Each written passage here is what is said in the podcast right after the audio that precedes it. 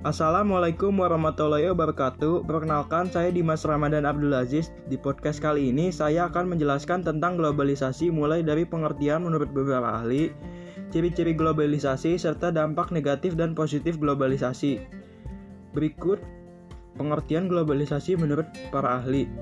Yang pertama ada, ada Konkren dan Payne mengemukakan pertanda globalisasi sebagai munculnya sebuah sistem ekonomi dan budaya global yang membuat yang membuat manusia di seluruh dunia menjadi sebuah masyarakat tunggal yang global.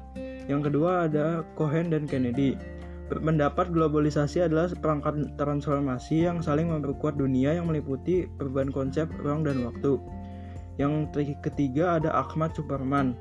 Globalisasi adalah sebuah proses menjadikan sesuatu benda atau perilaku sebagai ciri dan setiap individu di dunia ini tanpa dibatasi oleh wilayah. Selanjutnya ada ciri-ciri globalisasi yang terdiri dari lima ciri yaitu yang pertama perubahan konsep. Era globalisasi membuat berubahnya konsep antara ruang dan waktu sehingga setiap orang akan mudah mengakses apa pun yang mereka inginkan hanya menggunakan teknologi. Yang kedua ada pasar dan produksi tiap negara akan saling bergantung sama satu sama lain. Hal ini disebabkan oleh pertumbuhan perdagangan internasional. Organisasi semacam WTO juga mempengaruhi perilaku pasar dan produksi. Yang ketiga ada peningkatan interaksi. Interaksi antara masyarakat di belahan dunia akan mudah terjalin. Hal ini tak lain karena munculnya berbagai macam sosial media. Yang keempat, menularnya kebudayaan.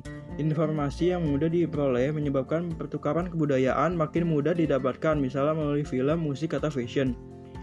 Yang kelima, timbullah masalah bersama. Lantaran kompleksnya jalan perekonomian dan perdagangan, hal ini juga memicu timbullah masalah dari berbagai negara, misalnya inflasi regional, masalah lingkungan hidup, dan sebagainya. Selanjutnya ada dampak positif dan negatif globalisasi. Dampak positif globalisasi yang pertama ada kemudahan memperoleh informasi dan ilmu pengetahuan. Yang kedua, kehidupan sosial ekonomi yang meningkat. Yang ketiga, kemajuan dalam bidang teknologi komunikasi, transportasi, dan informasi yang memudahkan manusia. Dampak negatif globalisasi. Yang pertama, gampangnya budaya barat masuk dan mempengaruhi nilai-nilai budaya lokal.